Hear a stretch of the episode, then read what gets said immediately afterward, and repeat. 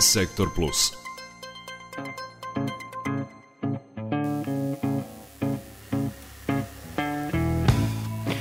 Visok porez na menstrualne proizvode, poznati kao taksa na roze, uzrokovao je pojavu menstrualnog siromaštva, naročito u ruralnim krajevima. Porez na te proizvode u Srbiji je 20%, što ih na tržištu čini luksuznim – Ta vrsta siromaštva stoga najčešće pogađa studentkinje, pokazuju istraživanja ženske inicijative, organizacije čija je misija podizanje svesti o ženskom reproduktivnom zdravlju. Opširnije Maja Stojanac.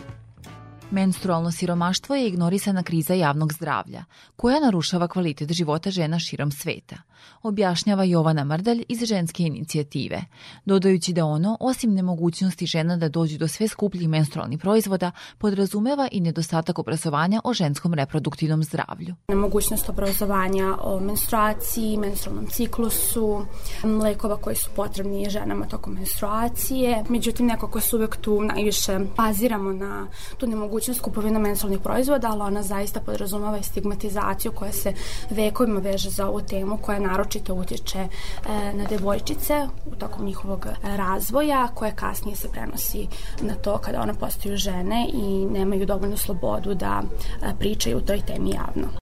Menstrualni proizvodi su veoma skupi, što predstavlja jedan od osnovnih problema kada je reč o njihovoj dostupnosti, ukazuje sagovornica, dodajući da je pandemija virusa korona uzrokovala rast cena tih proizvoda.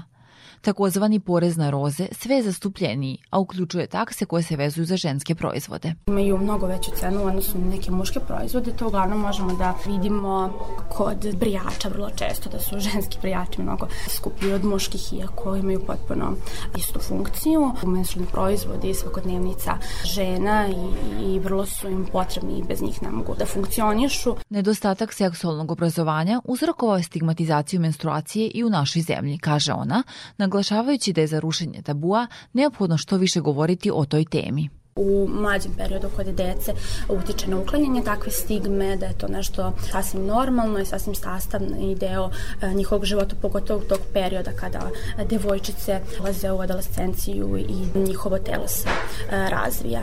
A ukoliko menstruacija iznenadi devojčicu, e, sigurna sam da će ona biti zaprepašćena tom pojavom, nije sigurno šta se sada dešava sa njenim telom, da li ona ima slobodan i otvoren odnos sa svojom majkom, sa kojom može da porazgovara o tome, onda je veoma bitno da i roditelji budu svesni koliko je to bitno da i škola kao škola ima određene predmete koji bi mogli da, da vode takve teme, a takvu temu podrže i nastavnička veća i roditelji koji su savjetu roditelja koji mogu da znaju da, to, da je to nešto što je njihovoj deci zaista potrebno i da se oni na neki način uključe. Stoga je sa idejom obrazovanja normalnom funkcionisanju ženskog tela nastala i organizacija organizacija Ženska inicijativa, koju osim Jovane Mrdalj čine još dve studentkinje Novosadskog filozofskog fakulteta, Milica Sekulić i Jelena Mirić.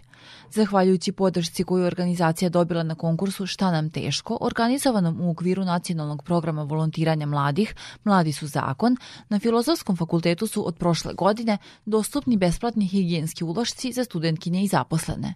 To je, kaže Jovana Mrdalj, organizovano prvi put u Srbiji. Menstruacija vrlo često može da nas iznenadi pod različitim uh, spoljnim uticajima i da bi zaista uh, bilo dobro da ukoliko baš nas ona iznenadi da pronađemo hitan menstrualni proizvod koji može da nam pomogne u takvoj situaciji. Ovu ideju su prihvatile razne škole kako u Srbiji, tako i u našem regionu. U središtu pažnje nije samo borba za besplatne higijenske uloške u obrazovnim ustanovama, već i borba za destigmatizaciju normalnog biološkog procesa poput menstruacije, objašnjava sagovornica, dodajući da se na Instagram profilu te organizacije nalaze mnogi obrazovni materijali. Sagovornica podsjeća na to da bi se obezbeđivanje besplatnih higijenskih uložaka u obrazovnim institucijama smanjilo menstrualno siromaštvo, te ističe kao primer Škotsku, prvu zemlju u svetu koja je uvela besplatne higijenske uloške u školama.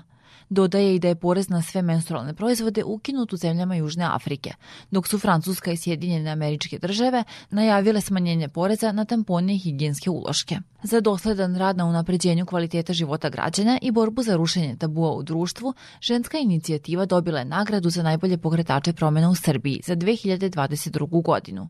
To priznanje dodelila je Beogradska otvorena škola uz podršku Američke agencije za međunarodni razvoj.